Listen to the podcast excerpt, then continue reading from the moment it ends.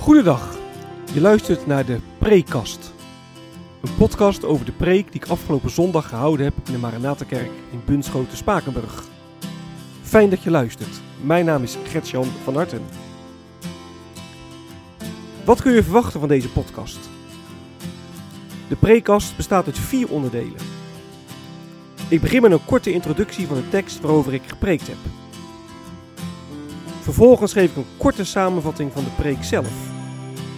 En met korte samenvatting bedoel ik ook echt kort. Tijdens mijn opleiding heb ik geleerd dat preken schrappen is. Niet alles wat je in de voorbereiding gevonden en bedacht hebt, kan terugkomen in de preek. Wat heb ik laten liggen wat het overdenken wellicht waard is? Daar wil ik het over hebben in het derde deel van de preekkast. En tenslotte sluit de preekkast af met een aantal verwerkingsvragen. Vragen die je kunnen helpen om de preek te overdenken en of toe te passen. Ik wens je veel luisterplezier.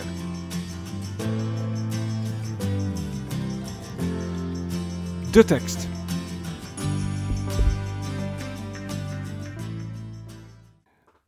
De preek was naar aanleiding van zondag 13a, vraag en antwoord 33 van de Heidelbergse Catechismus.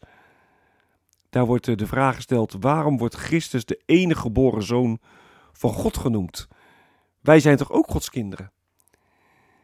En het antwoord luidt dan: omdat alleen Hij de eeuwige en natuurlijke zoon van God is. Maar wij zijn om Christus wil uit genade tot Gods kinderen aangenomen. En behalve vraag en antwoord 33 hebben we ook Johannes 1, vers 1 tot en met 18 gelezen. Het bekende Bijbelgedeelte. In het begin was het woord. Het woord was bij God en het woord was God. Het was in het begin bij God. Over Jezus Christus die naar de wereld kwam om het licht in de duisternis te laten schijnen. Het woord is mens geworden, zegt Johannes 1, vers 14. En het heeft bij ons gewoond. Vol van goedheid en waarheid. En wij hebben zijn grootheid gezien, de grootheid van de enige zoon van de Vader. De preek.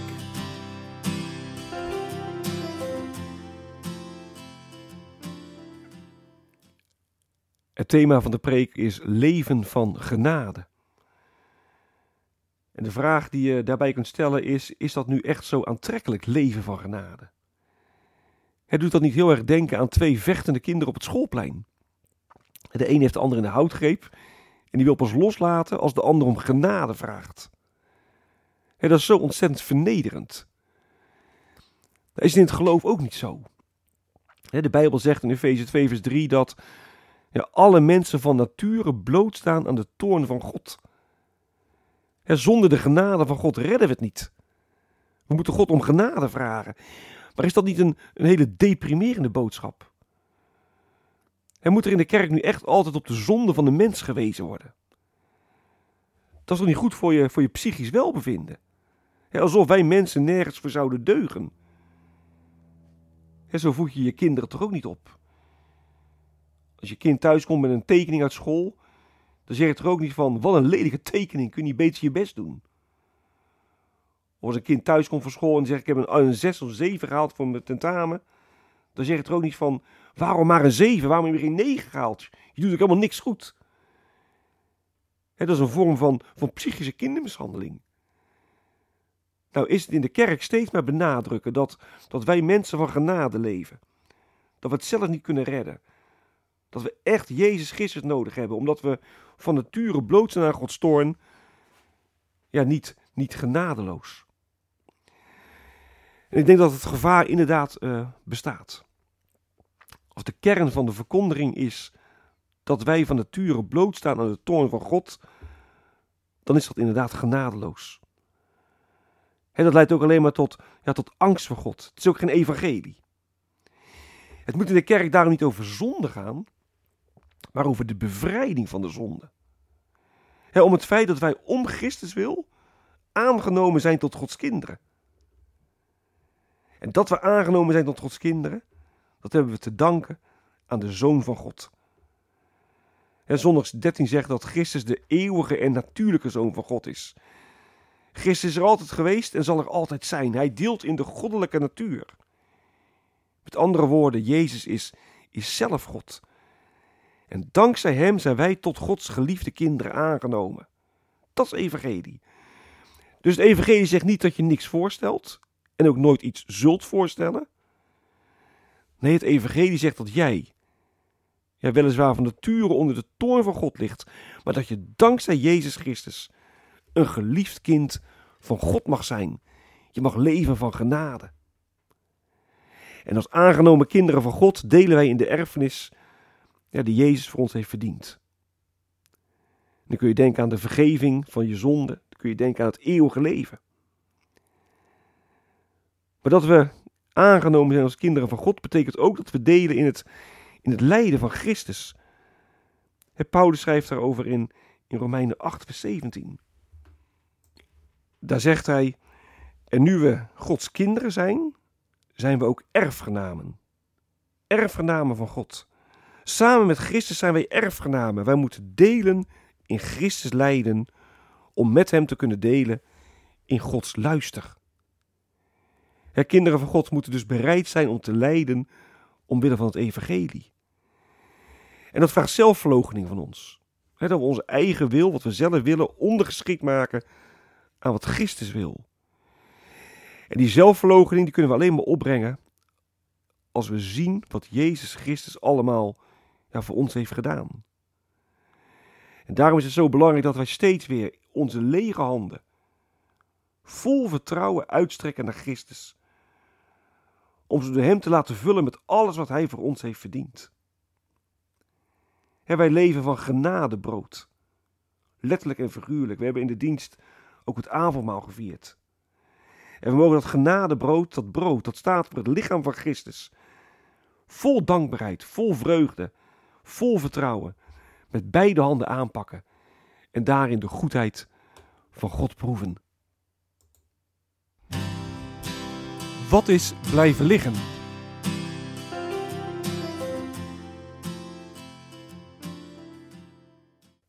Wij zijn toch ook Gods kinderen? Dat is de vraag die gesteld wordt in zondag 13.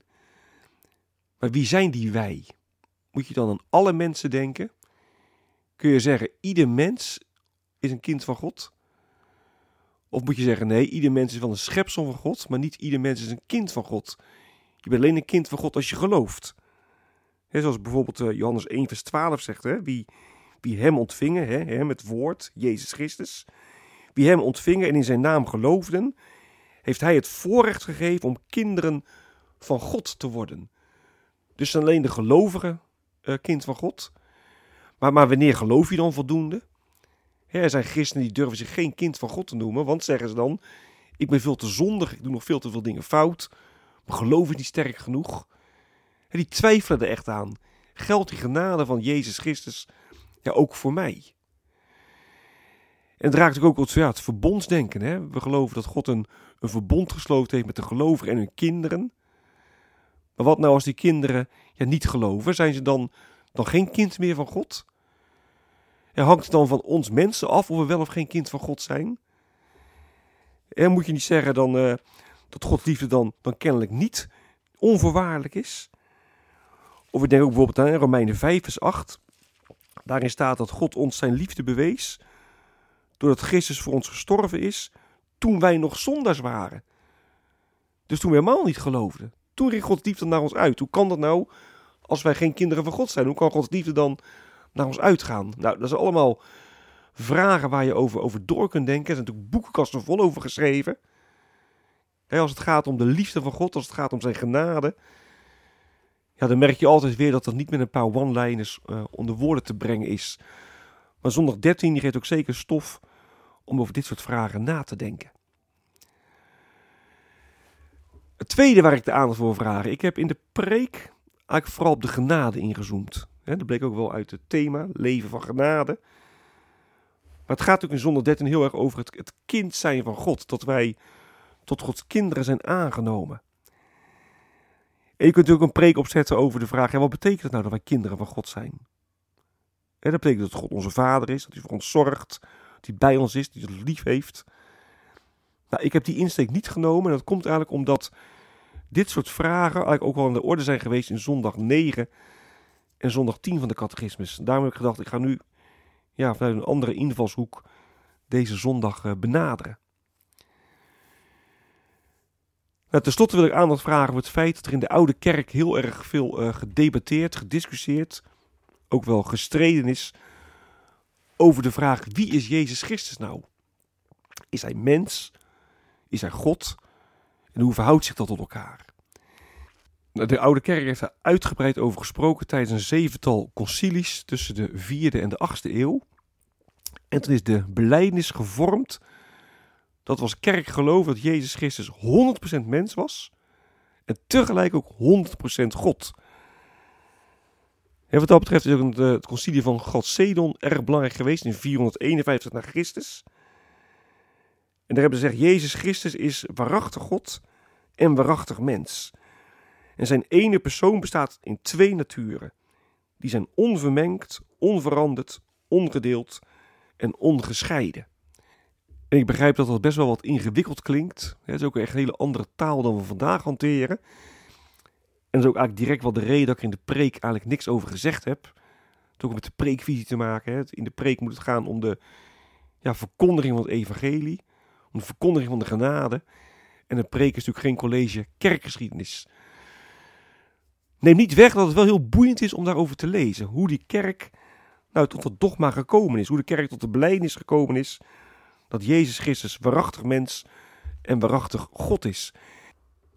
En ik kan je ook echt aanraden, als je van, nou, van geschiedenis houdt of in dit soort vraagstukken geïnteresseerd bent, om uh, ja, je daar eens wat meer in te verdiepen. Om een, een kerkgeschiedenisboek uh, te pakken en om eens te lezen, om te kijken hoe dat in die tijd allemaal ging. En er zijn natuurlijk heel veel uh, kerkgeschiedenisboeken, ook, ook wel wat meer eenvoudige, waar even gek gezegd in, in Jip en Janneke taal dit allemaal beschreven wordt. is erg interessant en boeiend om te lezen verwerkingsvragen.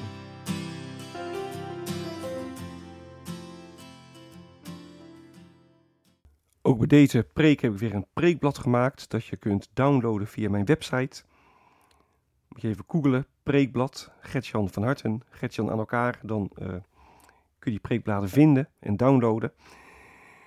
En de eerste vraag die ik op het preekblad heb gezet is, ja, wat doet het nou eigenlijk met je als de Bijbel zegt dat je van nature blootstaat aan de toorn van God. Wat doet dat ook met je, ja, je zelfbeeld? De tweede vraag is: hè, geloof je dat ook jij om Christus wil tot Gods kind bent aangenomen? Durf je inderdaad te zeggen: Ik geloof dat ik dankzij Jezus Christus een kind van God ben. Een kind waar God van houdt, een kind waar God verzorgt, een kind dat bij, bij God mag horen. Geloof je dat? Dat ook voor jou geldt? Het thema van de preek was leven van genade. En daar sluit de derde vraag bij aan. In hoeverre ben jij nou echt geraakt door Gods genade? Je kunt de vraag ook anders stellen. Zou je in eigen woorden, in drie, vier zinnen, kunnen aangeven wat Gods genade voor jou betekent? En de laatste vraag is: hè, wij leven van genade. We zijn om Christus wil uit genade tot Gods kinderen aangenomen. We leven van genade, maar wat betekent dat voor hoe we omgaan ja, met andere mensen? In de kerk, maar ook in het gezin, in de familie, uh, op je werk, in de straat. Als je leeft van genade, wat betekent dat dan voor je omgang met, met andere mensen? Dit is het einde van de prekast. Mocht je vragen of opmerkingen hebben, dan kun je me mailen op mailadres van hartengretjan.gmail.com